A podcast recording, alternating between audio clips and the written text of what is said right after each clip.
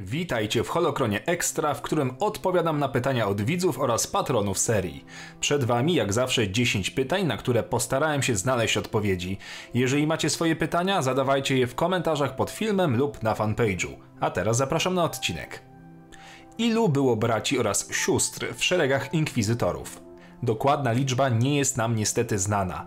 Wiemy o około 8 inkwizytorach, ale istnienie innych jest potwierdzone poprzez wzmiankowanie o nich, jednak bez podawania ich tytułów czy też numerów. W przewodniku Star Wars Absolutely Everything You Need to Know Updated and Expanded dowiadujemy się, że braci i sióstr mogło być nawet 12. Obstawiam jednak, że w miarę rozwoju kanonu ta liczba będzie się dowolnie zmieniać. Czym dokładniej było kasyno Canto Bight? Canto Bight było stolicą na planecie Kantonika, leżącej na brzegach Morza Kantonika, największego sztucznego oceanu w galaktyce. Ośrodek ten był celem dla zamożnych turystów i hazardzistów, którzy odwiedzali kasyna oraz tory wyścigowe. By zabawić się w takim przybytku, trzeba było mieć gruby portfel lub pokaźne znajomości. Wielu bogaczy, takich jak choćby Ronen Tagi, miało swoje penthouse'y w mieście, by być blisko ulubionej rozrywki. Karkołomna ucieczka Fina oraz Rose przyniosła dość poważne straty finansowe. Co dalej działo się z miastem? Na razie nie wiadomo. Skąd maska Nata miała miecz Luka Skywalkera? To niestety kolejna dziura scenariuszowa, na której wypełnienie czekamy. Gdy miecz Skywalkera został utracony przez niego podczas pojedynku w mieście w chmurach, dostał się w ręce pracowników kopalni. Stamtąd w jakiś sposób dostał się w ręce Kanaty, ale ona sama nie podaje żadnych konkretnych informacji, co też potwierdza przewodnik wizualny po filmie Skywalker Odrodzenie. Czy Qui-Gon Jinn posiadał własny statek? Nie, nie posiadał, bo podobnie jak inni członkowie zakonu, mógł dowolnie korzystać z zasobów swojego bractwa. Choć niektórzy Jedi posiadali własne jednostki, z którymi byli związani, to zdecydowana większość członków zakonu nie przywiązywała wagi do posiadania własnego transportu, mogąc zawsze polegać na własnym sprycie czy po prostu na pieniądzach zakonu. Statek, na którym mistrz Jedi spędził sporo czasu, to oczywiście znany z filmu Numbian typu J-327. Czy Obi-Wan Kenobi miał rodzeństwo? Rodzeństwo mistrza Kenobiego to ciekawy temat, ponieważ w nowelizacji Powrotu Jedi autorstwa Jamesa Kana Obi-Wan mówi o swoim bracie Owenie Larsie. Jednakże późniejsze filmy zaprzeczają temu, gdy matka Anakina wchodzi w związek z ojcem Owena, czyli Kligiem Larsem.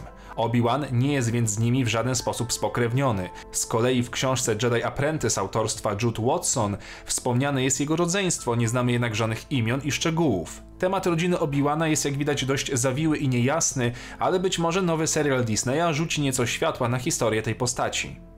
Czy Matka Nocy znała tożsamość Palpatina? Talzin, bo o niej mowa, jest często wymieniana na liście osób, które znały prawdziwą tożsamość Lorda Sithów. Nie jest to jednak nigdzie potwierdzone i opiera się wyłącznie na domysłach oraz praktycznej logice fanów. Należy pamiętać, że Sidious obawiał się potęgi Matki Nocy i robił wszystko, by jak najszybciej się jej pozbyć czy Rebel Friend jest postacią kanoniczną. Przyjaciel rebelii pojawił się po raz pierwszy na pierwszym poziomie niekanonicznej gry LEGO Star Wars 2 The Original Trilogy. Wszystkie wydarzenia serii gier LEGO są niekanoniczne. Postać Rebel Friendsa pojawia się potem w kolejnych częściach gier. Czy istniał Sith, który stał się Jedi? W legendach wszystko jest możliwe, tym bardziej w grach.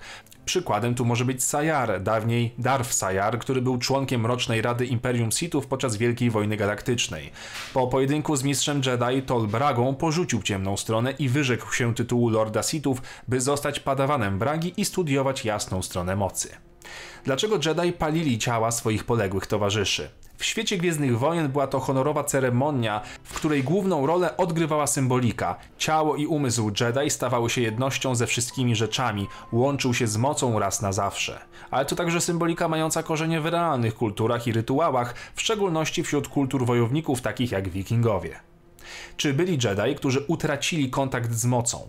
Oczywiście, że tak, aczkolwiek w legendach i w kanonie proces ten wygląda nieco inaczej. Przykładowo Kyle Katarn odciął się od mocy dobrowolnie, zapomniał konkretne techniki i sztuczki w mocy. W kanonie, na przykładzie Grogu, czyli Baby Jody, dowiadujemy się, że zbyt długotrwała przerwa w nauce i praktyce potrafi pozbawić użytkownika właściwej więzi z mocą. W legendach wielu Jedi, którzy ukrywali się po rozkazie 66, przerywało swoje połączenie z mocą, by lepiej się chronić przed wykryciem. Powrót do mocy najczęściej bywa trudny, ale jest możliwy.